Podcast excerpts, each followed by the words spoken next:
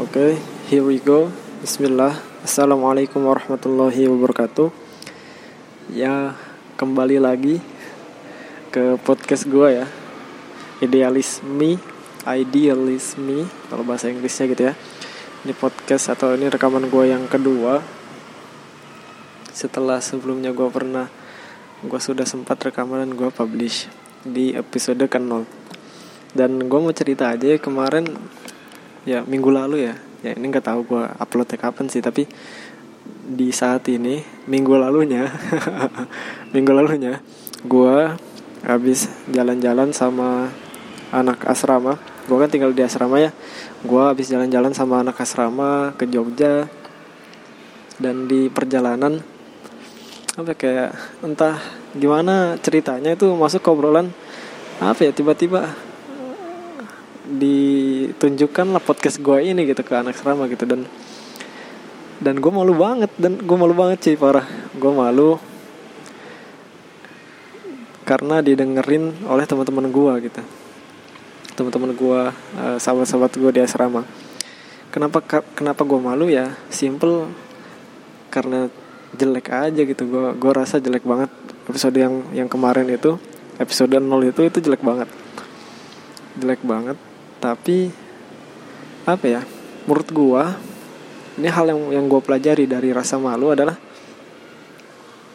malu itu jadi harga paling paling mahal dari sebuah proses pembelajaran gitu bagi gua ya. Malu. Dari pertama kali mencoba dan gua rasakan malu itu pembelajaran yang nggak akan gue pernah dapatkan kalau gue nggak terjun gitu. Kalau gue gua kalau gue nggak nyoba gue nggak bakal dapat pembelajaran itu. Makanya dari malu itu gue sadar ya kalau gue tuh nggak instan gitu. Nggak ada yang instan di dunia ini. Mie instan aja itu harus direbus dulu baru jadi sebuah mie gitu yang kata instan tapi ada proses-proses untuk jadi sebuah makanan yang siap dihidangkan. Begitupun gue gitu sebagai seorang manusia yang terus bertumbuh. Gue gue seorang pembelajar ya. Gue bakalan sampai sampai mokat gue bakalan terus belajar menyelesaikan diri sendiri nih. Ini topik yang lain. Gue punya apa slogan gitu. Menyelesaikan diri sendiri. Ya balik lagi ke topik. Ya gue malu. Karena di episode pertama gue banyak dandannya grogi banget. Flownya nggak asik gitu ya grogi. Terus juga nafasnya tuh kedengeran banget gitu ya. Gitu dan segala macamnya gue lu kenapa gue nih. Gitu kayak gitu kayak gitulah. Terus banyak kata-kata dan ya, dan dan dan dan dan dan untuk terus juga banyak kata-kata gitu gitu gitu gitu gitu dan gitu gitu. Nah itu yang yang yang gue pelajari dan gue coba upayakan untuk terus berproses mem membenahi hal-hal yang kurang tadi gitu. Terus juga gue rasa ya bridging gue dari satu topik ke topik lain tuh kayaknya masih belum belum dapat gitu.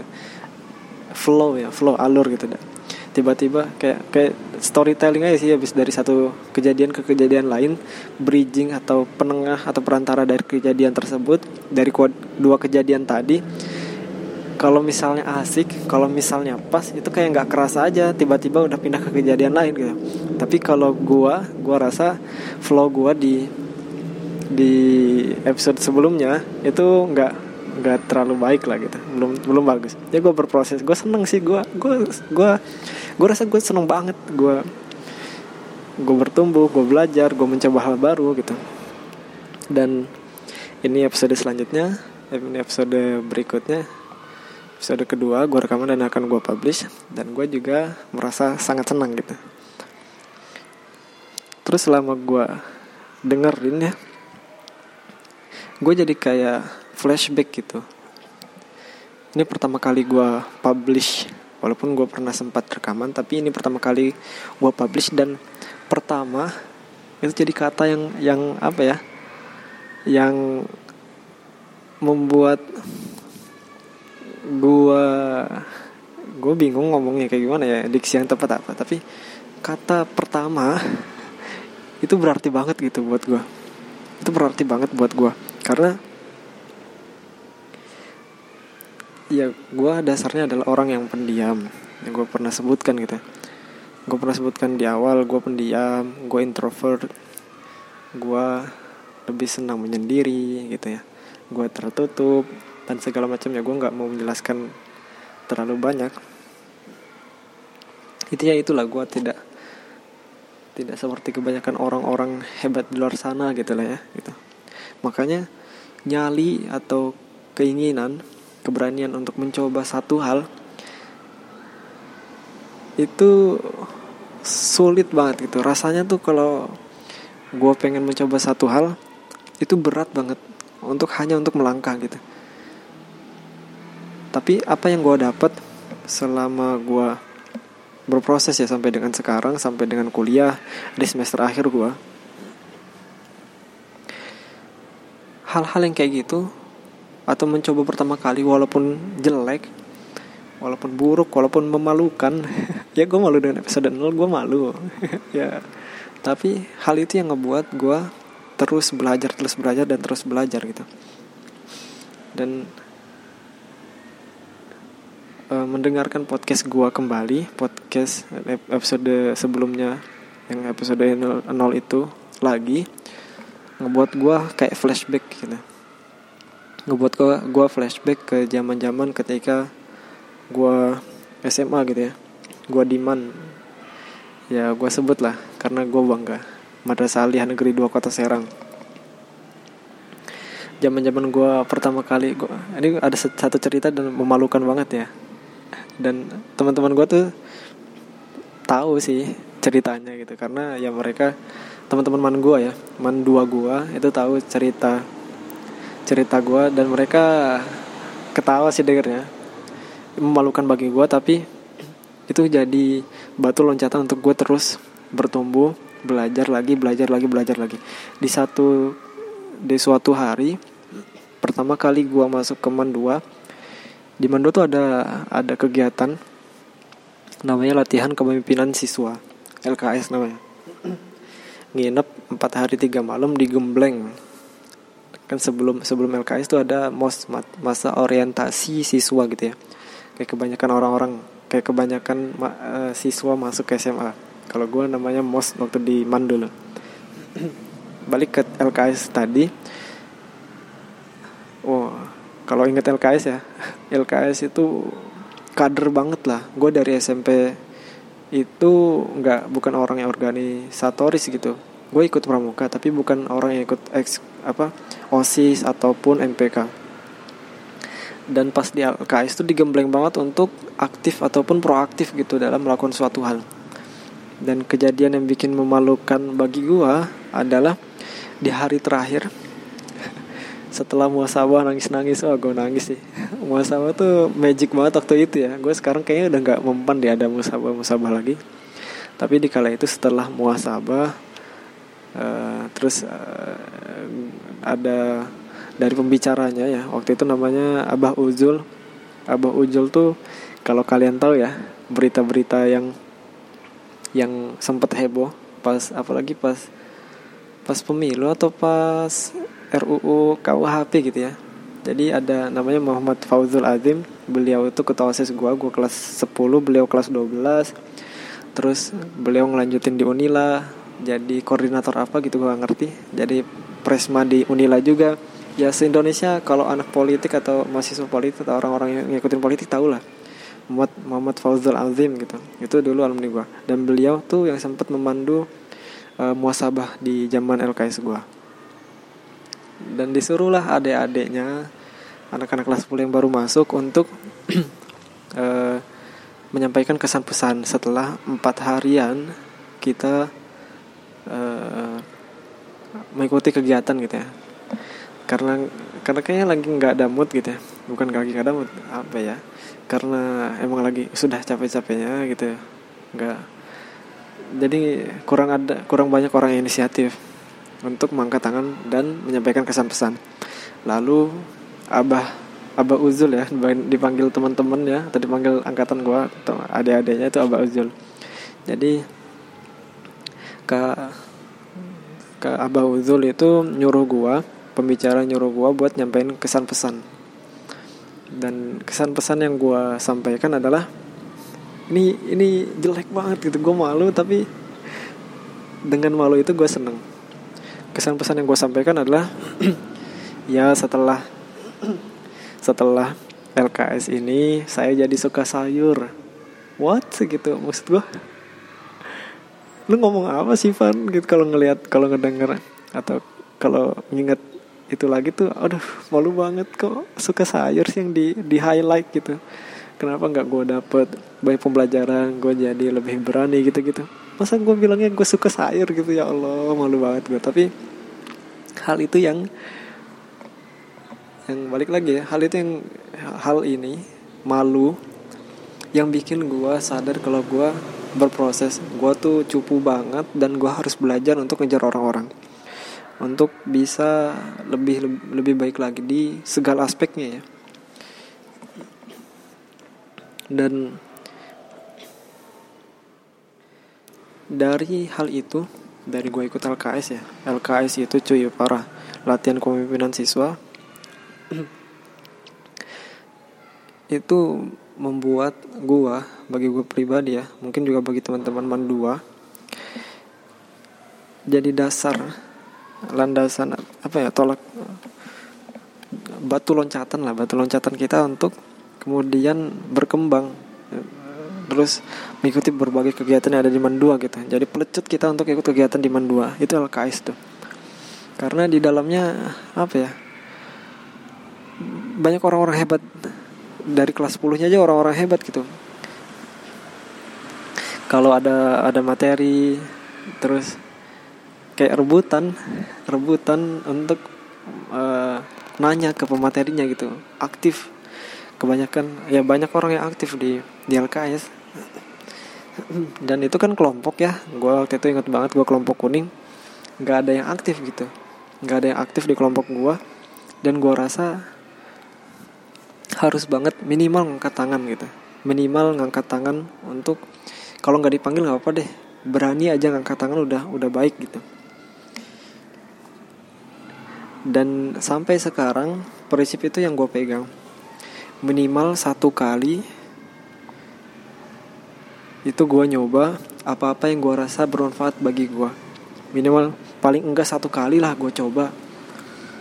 Apa-apa yang gue rasa apa-apa yang gue rasa ada manfaatnya buat ada manfaatnya buat gue gitu. Entah gue nyoba apa ya jadi MC atau enggak atau gue nyoba mungkin hal yang aneh ya ekstrim open mic stand up comedy gitu atau gue nyoba nyoba berbagai hal gitu. Paling enggak satu gue pernah sekali nyoba gitu. Hasilnya apa? Ya itu urusan lain. Yang penting gue nyoba dulu. Itu jadi prinsip gue sampai dengan saat ini.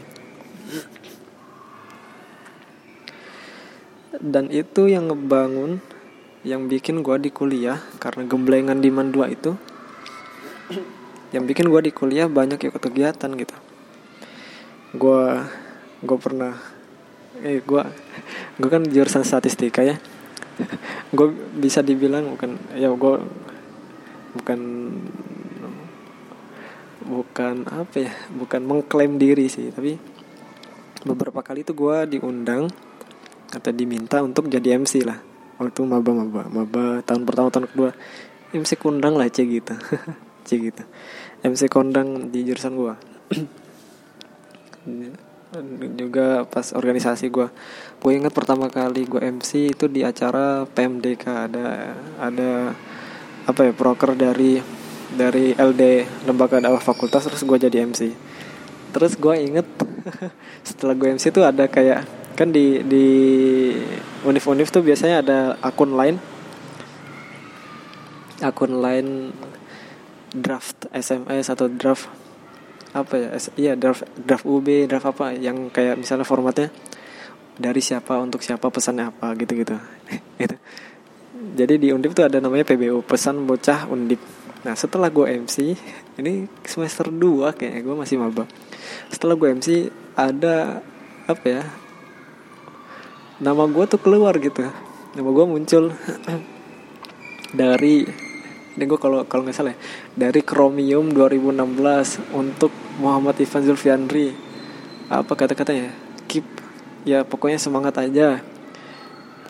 Dari secret admirer katanya. Wih kayak dan itu jarang orang yang tahu sih karena gue nggak nggak cerita banyak juga. Tapi di sini nggak apa sih ya flor floran aja. Sambil ngalir sambil ngomong ngomong sengalirnya aja lah gue lah gitu. Walaupun masih belum ngalir ya gitu setelah PMDK wih apa nih? PBU kan banyak orang yang yang yang kayaknya pengen masuk PBU gitu nama-namanya gitu. Ay kakak gitu kayak di lu, lu kan tapi setelah PMDK gue dapet itu ya dapet apa kayak pesan gitu dari dari sebuah akun PBU ya, gue biasa aja sih nggak nggak nggak begitu nggak segitunya gitu gue biasa aja tapi ada yang notice itu bagi gue ada satu hal menarik lah. Ini jadi jadi semangat buat buat gue berkembang terus gitu. Dari dari MC pertama kali itu. Terus seiring berjalannya waktu gue juga gue dimintalah untuk menjadi MC di beberapa acara gitu ya. Ada namanya kalau nggak salah tuh apa namanya uh, jadi dari SMA SMA sejateng DIY nama nama acara apa ya? dokter data atau apa ya beberapa kali MC sih jadi banyak gitu. Beberapa kali nggak MC sih jadi gue lupa namanya. Acara sastika yang ngundang anak SMA Jateng DIY kalau nggak salah atau Jateng doang ya. Itu terus mempresentasikan karya ilmiahnya. Gue jadi MC di situ. Terus oh terus gue juga jadi MC di dokter data. Oh ini yang yang lain lagi. Gue jadi MC di dokter data. Dan ini pengalaman yang yang menarik gitu bagi gue sebagai seorang pembelajar ya balik lagi gue tuh orang cupu gitu maksudnya gue orang pendiam tertutup yang gue bilang tadi. Bukan orang yang ceria lah. Bukan orang yang ceria. Di gue diminta untuk nge-MC acara formal iya oke okay, nggak apa tinggal ngikutin rundownnya aja gue bacain agendanya udah selesai gitu ya. Tapi di acara ini dokter data kalau salah namanya. Gue jadi lupa. Itu ada kayak lomba nasional ya kayak tingkat nasional statistika lah olimpiade sama infografis. Ya satu dua hari kayaknya dua hari atau tiga hari acaranya. Itu formal gitu.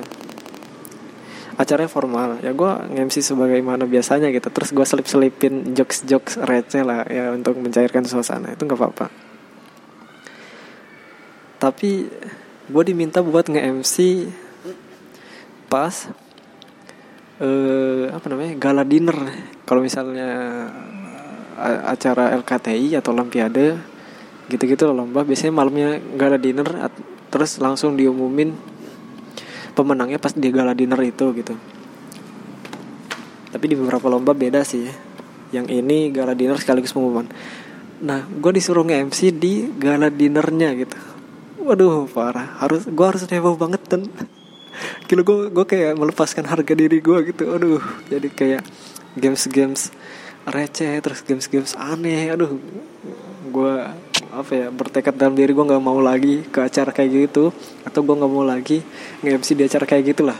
Tapi ini pengalaman yang menarik gitu dan jadi pembelajaran. Kayak misalnya games games apa ya gombal-gombalan. Ya Allah astagfirullah. Aduh tobat lah gombal-gombalan laki-laki sama laki-laki apa ya laki-laki sama cewek tapi karena ceweknya gak pada mau maju laki-laki sama laki-laki gombal-gombalan ya bercanda-bercanda doang gitu. Dan gue pakai gue gue ngelempar jokes gitu sih kayak gue bisikin ke jadi ada gue dan partner gue partner gue itu mbak Ica. Mbak Ica tuh expert lah lumayan cukup expert di bidangnya di bidang MC inilah. Statistika 2015 gitu ya gue dan Mbak Ica tuh uh, apa ya memancing atau mengarahkan pesertanya gitu ya. Ada anak UGM atau ITS gitu ya yang yang maju ke depan terus kayak game-gamean gombal-gombalan gitu. Terus gue kayak ngelempar jokes gitu one liner kalau di di stand up comedy ada ada teori namanya one liner gitu.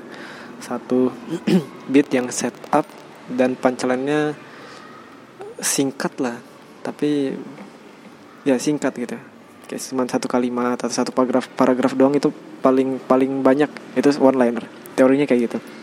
Nah gue arahkan ke ke peserta ini laki-laki ke laki-laki gitu. Gombalannya kayak gini. Aduh malu banget gue gombalannya adalah bapak kamu nah, dikasih jeda sedikit. Bapak aku ya jeder. Wah. Seisi ballroom ya hallroom apalah itu sebutannya gedung itu. Ngakak ketawa dan pecah gitu ngelempar jok yang gue bukan orang yang badut panggung gitu gue bukan orang yang meramaikan tongkrongan. Ya gue orang tadi tertutup tapi gue coba-coba dan pecah. Aneh banget tapi itu yang jadi pengalaman yang teringat gitu. Wah pecah banget. Wah terus ngakak se se se itu se segedung lumayan lama ngakaknya beberapa detik. Ya kemudian berlanjut sampai acaranya kelar dan dari beberapa rangkaian MC yang pernah gue beberapa agenda undangan untuk menjadi MC di beberapa acara gue banyak dapat hal gitu kayak misalnya gue dari partner gue yang tadi gue sebut Mbak Ica. Mbak Ica tuh lebih lebih lama gitu jam terbangnya dari dari dunia per MC-an gitu cie gitu tapi beliau tuh masih kan ada cue card ya kayak yang pegangan itu pegangan MC beliau tuh masih nulis kata per kata gitu. Nah, gitu gitu gitu. Masih banyak gitu ya nih. Beliau tuh masih nulis kata per kata dari sebuah rangkaian rangkaian acara di random gitu. Di random misalnya gini kayak pertama pembukaan kedua tuh sambutan sambutan ketiga nanti acara ada persembahan kedatangan gitu-gitu ya misalnya gitu. Terus Mbak Ica tuh nulis pembukaan uh, apa ya puji syukur kehadirat Allah tuh Mbak, Mbak Ica nulis kata perkatanya gitu puji syukur kehadirat Allah Subhanahu Wa Taala terus salam serta salam tak lupa kita ucapkan gitu-gitu. Mbak Ica masih nulis kayak gitu dan gue gue gue nggak nulis hal itu. Nggak gue nggak nulis kata per kata sombong banget gue gue ngerasa waduh Mbak Ica yang levelnya gue rasa lebih tinggi jauh dibanding gue aja nulis masa gue enggak? Gitu. Gue pelajari hal itu. Persiapan dari sebuah hal sebuah acara sebagai MC gitu. Mbak Ica itu yang gue dapat dari Mbak Ica mempersiapkan. Padahal gue bukan orang yang ya tadi gue gue coba banget dalam hal berbicara di muka umum terus gue mengen, me, apa ya mengandalkan improvisasi spontanitas waduh ya hasilnya kita tahu kacau sih tapi kita tahu ya kenapa kita karena lu kayaknya kalau lu temen gue paham kalau misalnya gue tuh nggak segitunya dalam hal public speaking. Makanya kita tahu dengan spontanitas dengan mengedepankan atau mengandalkan spontan spontan spontan spontanitas dan juga mengandalkan improvisasi bagi diri gue sendiri. Wah itu nggak nggak bisa diharapkan lah hasilnya. Kebanyakan kacau tapi ada satu dua yang kena kayak jokes tadi. Ya, itu yang gue dapat. Dan setelah acara dokter data itu ya ada hal yang mengejutkan gue ini jadi honor pertama yang gue dapat di undip gitu. Masa gue nggak mengharapkan apa pun gitu dalam melakukan berbagai kegiatan di sebagai mahasiswa ya. Karena alhamdulillah orang tua gue baik masih masih ngasih gue bulanan gitu. Terus alhamdulillah gue juga dapat beasiswa jadi ada pemasukan bulanan. Tapi hal yang didapat dengan usaha sendiri itu rasanya rasanya bahaya banget ya. Dan ini yang gue rasakan setelah mendapatkan honor dari dokter data. Gue sebut nominalnya 50 ribu. Divan ada ada kayak bendahara Himasta himpunan statistika. Itu ngasih gue amplop gitu. Ngasih gue amplop. Terus nih Van honor MC kata ih ada tit ada ada sedikit bingkisan gitu lah intinya gitu. Terus gue lihat wih kok ada lima puluh ribu? Dari dari sebuah awal yang buruk ya dari gue coba yang kesan pesan tadi sampai gue mendapatkan honor lima puluh ribu. Bagi gue tiap langkahnya dalam gue belajar mencoba suatu hal itu berarti banget dan gue akan terus mencoba suatu hal dan bertumbuh. Itu yang gue gue yakini dan gue akan lakukan gitu ke depannya. Sampai gue mokat mokat gitu ya. Insyaallah. Gak berhenti di di situ gitu. Gak berhenti di situ. Kalau kalau di sesi kan ada yang ada yang namanya PMB ya. Apa ya kaderisasi kader kader gitu. Jadi adik-adik minta kenalan ke ke kakak-kakaknya kakak tingkatnya nama nim gitu ya hobi dan segala macamnya. Dulu gue juga sebagai maba nanya-nanya ke cutting gitu. Biodata minta biodata kenalan lah. Gue kalau ditanya tentang hobi gue pasti jawab iseng. Hobinya apakah iseng? Ya bukan iseng gue ngejendolin orang gue sepak nendang kaki orang gue apa ya melorotin celana orang nggak nggak iseng kayak gitu konteksnya. Maksud gue iseng di sini adalah gue iseng untuk mencoba berbagai hal ya. Gue iseng untuk terus explore diri. Itu hobi gue tuh. Gue iseng untuk uh, surfing di internet gitu browsing baca sesuatu nonton sesuatu nulis sesuatu. Kok iseng semuanya. Bahkan ini kan podcast ini oh ini berisik. Kondisi di sini lagi berisik. Bahkan podcast ini pun mulai dari iseng kan ya karena gue iseng gitu. Hobi gue adalah iseng. Karena kalau gue nggak iseng gue nggak bertumbuh. Gue orangnya tertutup. Kalau gue nggak iseng gue nggak akan bertumbuh menjadi suatu suatu menjadi seseorang yang punya kompetensi banyak hal gitu. Makanya iseng adalah hobi gue dan gue amini itu. Gue gue apa ya admit tuh apa admit? Amini. Ya gue gue akui itu. Kalau gue tuh orangnya iseng. Gue iseng ikut FC tadi udah gue ceritain. Gue juga uh, ini cerita cerita gue iseng ya. Cerita gue iseng selanjutnya adalah gue pernah belajar desain. Bukan belajar desain sih jadi urutannya adalah ada lomba desain. Terus gue coba iseng-iseng belajar karena mungkin gue rasa saat itu waktunya cukup untuk ikutan lomba gitu. Gue nggak tahu berapa jarak waktunya sampai dengan hari H atau sampai dengan pengumpulan kayaknya cukup gitu. Entah dua minggu atau minggu atau tiga minggu di FKM Fakultas Kesehatan Masyarakat. Tapi ini yang ngadain Rohis fakultasnya. Desainnya desain dakwah gitulah desain dakwah ini malu banget seriusan gue malu. Karena newbie banget gue belum pernah belajar desain. Gue nekat buat daftar lomba. Temanya apa ya? Gue lupa. Tapi tentang tentang poster dakwah. Dan tahu nggak lo yang tahu nggak yang gue gambar apa? Gue gambar ini filosofinya dalam ya. Ini gue agak serius nih. Filosofinya dalam gue gambar korek korek korek batangan gitu. Yang di depannya tuh ada kayak pen, pentil gak enak ngomong ya. Ada kayak uh, eh, coklat coklat yang dibakar nanti bus gitu. Langsung langsung kebakar banyak terus batangnya habis sedikit demi sedikit gitu. Gue ngebakar eh gue ngebakar korek lagi. Gue nge ngedesain itu korek itu terus ada gambar kayak jari megang korek itu. Di belakangnya ada mar kayak malam malam suasana malam ada gunung-gunung terus ada bintang-bintang.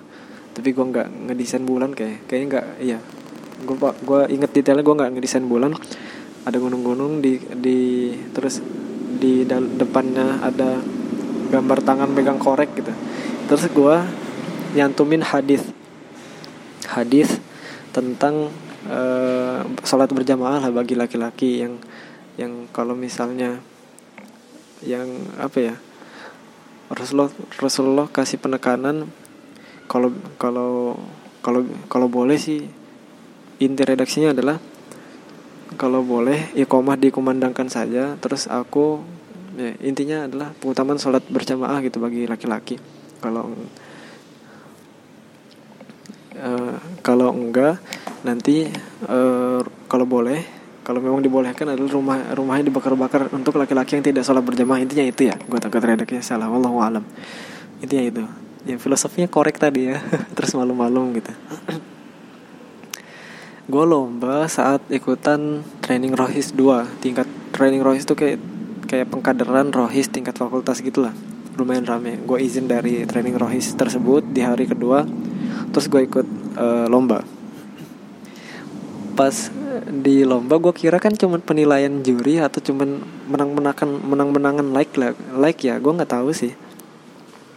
Tapi pas di hari H gue terkejut masa disuruh apa ya jelasin latar belakang kenapa ngedesain itu terus disuruh ngejelasin apa ya ngejelasin filosofi dan segala macamnya tentang desain tadi gitu. Dan dan gue nggak bisa jawab kan? Gue nggak ngerti gak gue nggak nggak nggak tahu ya gue cuma bisa gambarnya itu gue cuma bisa ngedesainnya itu. Ini desain gue pertama kali yang gue lombakan.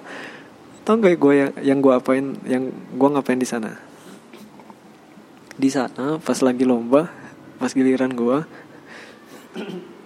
gua malah ceramah jer ceramah.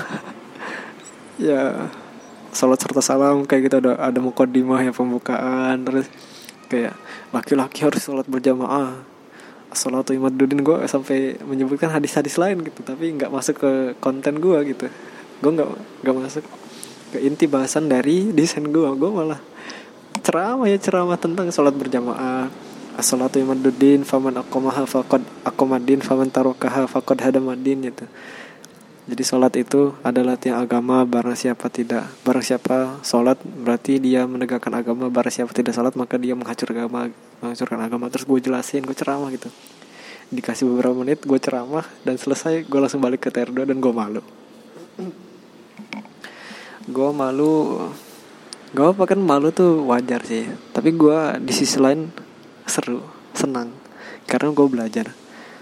Gue sudah sudah tahu hasilnya.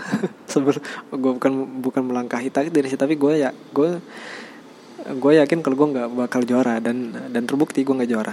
Tapi dari hal itu gue belajar banyak. Gue belajar untuk public speaking gue belajar untuk desain tadi ya. Walaupun belum gue lanjutin lagi belajar desain ya. Terus gue juga belajar untuk mengatasi grogi di depan banyak orang ketika berbicara Hah, emang seneng banget gue walaupun malu. Pertama kali pertama kali gue malu tapi menyenangkan.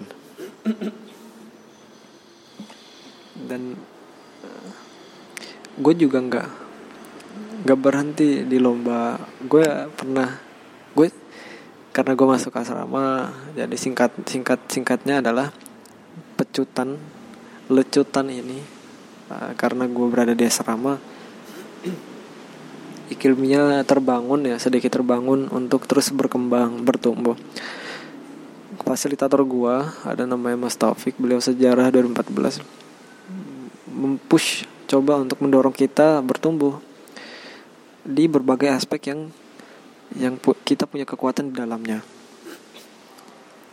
Adalah dibentuklah kayak English English Day terus setiap hari Kamis kita belajar bahasa Inggris terus pernah juga English Competition. Gue nggak bakal cerita English Competition ya sih.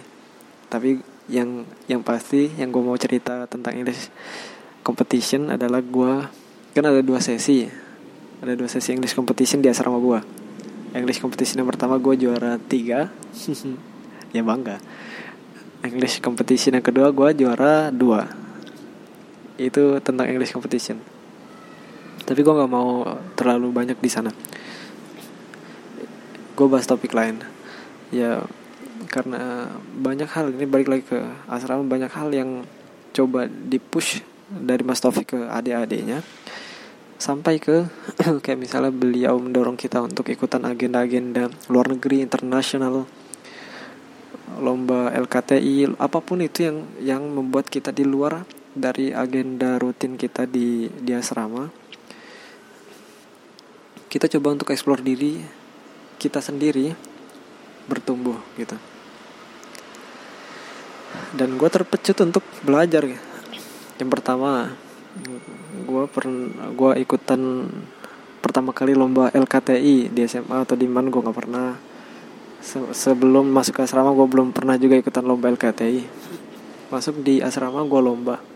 LKTI pertama gue itu di himpunan mahasiswa departemen ilmu ekonomi studi pembangunan undip deketan. Kita tetanggaan FEB sama FSM deket lah. Dan alhamdulillah gue sama tim gue yang kece. Ini padahal lomba, lomba ekonomi ya tapi gue ikutan gitu. Bayangkan betapa awamnya gue tentang ekonomi. Gue ikutan dan alhamdulillah gue juara tiga. Terus lomba yang kedua lomba LKTI juga uh, gue lom pergi atau terbang ke Bengkulu. Wah pertama pengalaman pertama terbang ada sponsornya. Alhamdulillah. Ke Bengkulu. Ada cerita menarik sih ya di Bengkulu. Ini lomba politik bayangin lomba politik gue anak gue dan teman-teman gue tiga orang. Sama gue tiga orang jadi teman gue dua orang gue satu orang lomba politik background kita adalah eksak ya gue statistika sama teman gue satu lagi statistika satu lagi dari fisika. Lomba politik ngambil subtema subtema pendidikan. Wih edan. Nggak kebayang nggak kebayang banget ya, koneksi antara statistika politik pendidikan terus nanti gue bahas apa di sana. Wih nggak kebayang banget. Idenya keren sih nama nama LKT-nya peace PIS itu politik, educational, technology, apa ya, educational technology. Ya pokoknya itulah ya tentang pembelajaran politik lewat media online intinya itu. Nah, gue jadi lupa sendiri nama nama LKT-nya PIS ya. Nggak tahu kepedean atau apa ya karena kita kami tim kami tim gua itu itu udah masuk masa uas seminggu apa ya weekend weekend gue lomba seninnya tuh uas gitu. Jadinya gue sama teman gue gue sama tim ini ngeboking tiket sore. Padahal pengumuman juaranya itu malam. Ya ya pede aja sih karena udah pernah juga. Terus teman gue yang fisika ini juga udah beberapa kali ikut lomba. Pede aja dan tawakal sih lebih tepatnya gitu. Kita udah ikhtiar tinggal tawakal. Kita udah berusaha tinggal berpasrah kepada Allah gitu ya. Masya Allah. Balik sore sampai di Semarang itu transit dulu ya dari iya dari perginya tuh dari Semarang Jakarta. Semarang Jakarta transit terus Jakarta ke Bengkulu Bengkulu terus Jakarta transit dulu. Terus baru ke Semarang. Balik ke Semarang nyampe malam. Dan yang kita dapat gue pede juara satu awalnya sih. Tapi alhamdulillah gue kita kita dapat juara tiga. Lomba politik gue statistika nggak ada latar belakang anak ya kita kami semua ini ya paling ibnu doang yang anak himpunan gitu. Tapi nggak ada yang anak bem nggak ada eh Azmi anak bem sih. Tapi latar belakang kita intinya nggak tentang politik lah intinya itu.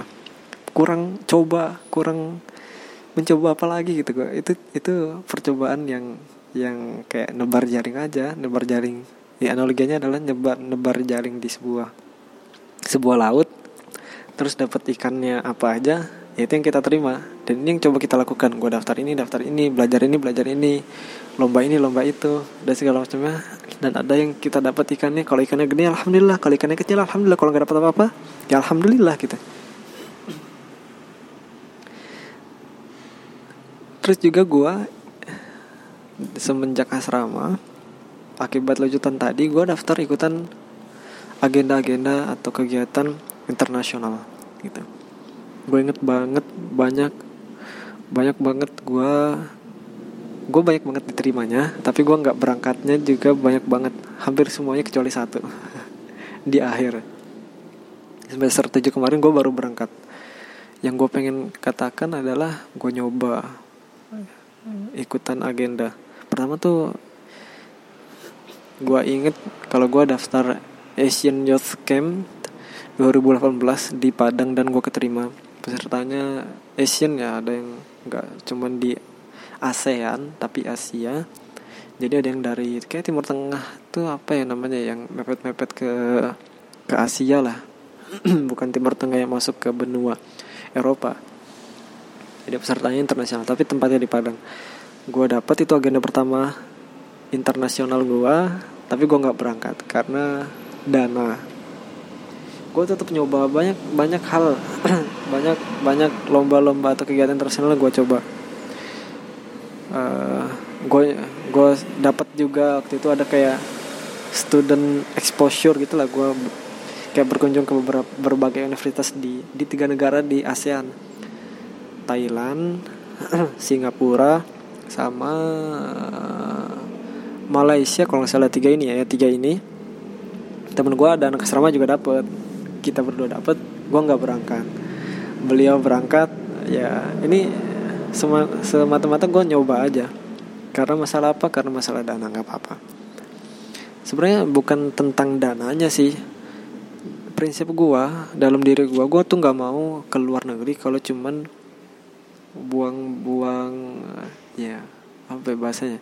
Buang-buang duit dan gue nggak ngapa-ngapain di sana. Gue cuman ikutan ini itu gitu. Maksud gue gue kayak pengen kalau kalau keluar negeri gitu ya gue pengen mempresentasi mempresentasikan sesuatu gue pengen mengadu uh, ide dari paper paper gue atau ya kayak gitulah gue pengen ngelakuin satu hal gitu. Bukan cuman kayak ikutan apa ya gitu gitulah mudah-mudahan lu paham. Makanya gue condong untuk nggak memperjuangkan beberapa kegiatan yang udah gue dapat gitu. Ini gue masih inget ya gue gue sama tim gue itu daftar ke acara conference di Thailand. Dan dapat kita dapat undangan tapi kita juga nggak berangkat. Dapat lagi ke Filipina terus dapat ke Turki pernah juga.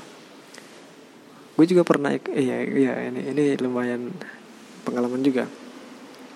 Gue juga pernah dapat MUN MUN tuh kayak simulasi PBB kita kita mewakili suatu suatu negara. Walaupun gue Indonesia gue bisa mewakili negara lain untuk membicarakan atau me, apa ya menyuarakan posisi negara tersebut terhadap kebijakan-kebijakan yang ada gitu. Misalnya gue dapat negara Rusia terus ada topik tentang nuklir.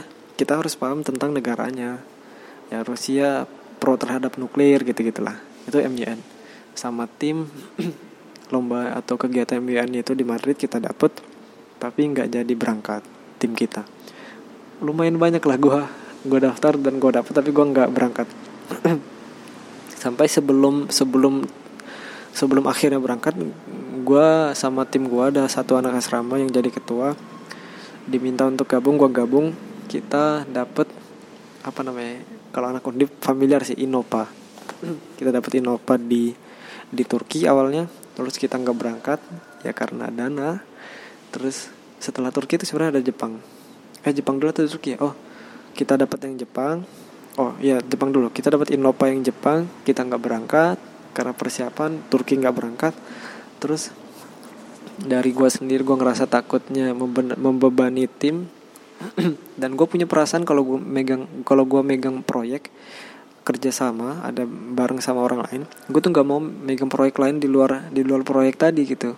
Karena gue takut dolim takutnya malah gue nggak berkontribusi penuh di, di proyek yang gue udah dapet. Terus di proyek lainnya malah gue jor-joran di sana. Gue nggak mau kayak gitu. Prinsip gue kayak gitu awal.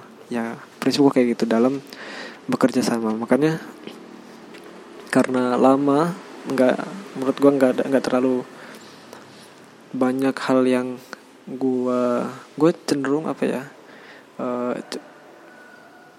banyak menghabiskan waktu uh, sebelum ketika masuk di tim itu gue juga takut membebani tim makanya gue memutuskan untuk mundur.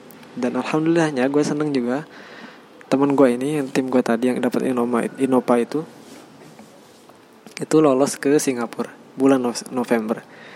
Dan Singapura kan deket ya Insya Allah atau kita paham bahwa ongkosnya tuh lebih lebih murah dibandingkan ke tadi ya Jepang, Turki dan segala macam ya. Dan mereka berangkat. Akhirnya November berangkat. Dan gue nggak berhenti ah memang bukan jalannya. Enggak gue tetap mencoba mencoba belajar belajar terus. Coba sampailah gue gue daftar untuk conference di Singapura. Bulan November eh bulan Desember dan singkat cerita akhirnya gue dapet. Alhamdulillah gue di ACC untuk presentasi di sana. Gue ngirim paper gue gue ngirim paper dapat revisian gitu ya. Bahasa Inggris ya aduh. Grammar gue kan nggak peduli sama grammar ya. Dapat revisian. Revisiannya tuh lumayan detail ya. Jadi gue pakai kata but tetapi di awal pembuka paragraf karena gue rasa uh, ada kontradiksi antara paragraf satu yang dengan paragraf yang sebelumnya tapi dikoreksi untuk memakai kata however gitu. Jadi bagaimanapun gitu gitulah. Gara-gara itu gue revisi tapi gue revisi dan gue coba daftar daftarkan lagi dan alhamdulillah gue ACC presentasi di National University of Singapore salah satu kampus terbaik di sana di Asia bahkan. Nomor satu di Asia kalau nggak salah. Itu hal-hal gue mencoba banyak hal. Dan dari segala macam cerita yang gue udah udah sampaikan gue sampai pada kesimpulan nggak ada salahnya untuk mencoba gitu. Karena sejatinya nggak ada kata gagal karena bagi gue kata ganti dari gagal adalah belajar. Itu yang yang yang pasti kita dapat ketika melakukan suatu hal gitu. Sukses gagal keduanya mempunyai pembelajaran yang bisa kita bawa. Sukses ya kita belajar darinya. Gagal kita belajar darinya juga. Dibandingkan dengan kita nggak ngelakuin suatu hal ya kita nggak dapat apa-apa. Dan ada satu kalimat yang gue dapet tapi gue lupa referensi dari mana. Bahwa beberapa beberapa tahun mendatang kita akan menyesali hal-hal yang tidak kita lakukan dibandingkan dengan hal-hal yang kita lakukan sampai dengan saat ini umur gue hampir 22 gue tidak sama sekali menyesali apa-apa yang gue lakukan alhamdulillah. Karena itu jadi pembelajaran. Walaupun malu tadi kesan pesan yang gue omongkan sayur astagfirullah. Terus uh, eh, gue apa ya melepas harga diri. Nggak melepas harga diri maksudnya gue keluar dari zona nyaman gue untuk nge-MC meriah di acara dokter data. Gue lomba desain dakwah padahal gue nggak ada basic desain. Terus gue ceramah di sana hal-hal yang kayak gitu. Nggak sama sekali gue sesali. Nggak sama sekali alhamdulillah. Karena balik lagi ke prinsip gue ya. Paling enggak satu kali gue coba suatu hal yang gue rasa bermanfaat bagi diri gue untuk gue bertumbuh untuk gue belajar selama hidup gue paling nggak satu kali aja gue pernah nyoba. Kalau berhasil gue coba lanjutin. Kalau gagal mungkin gue nggak di sana nggak apa-apa. Mungkin nggak gue nggak emang bidangnya bukan di sana ya nggak apa-apa. Yang penting gue udah gue udah nyoba. Tapi walaupun gue gagal bisa jadi dari darinya gue evaluasi gitu. Oh kenapa gagal? Karena ada masalah ini itu dan segala macamnya. Gue belajar di sana gue coba perbaiki dan gue coba lagi. Nggak nggak berhenti lah. Intinya nggak berhenti.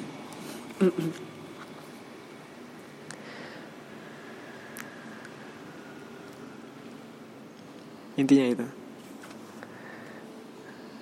Gue tutup dengan penekanan dari judul judul pod, judul podcastnya adalah eh, judul ya gue tutup dengan penekanan terhadap judul podcast gue karena sejatinya kata ganti dari gagal adalah belajar.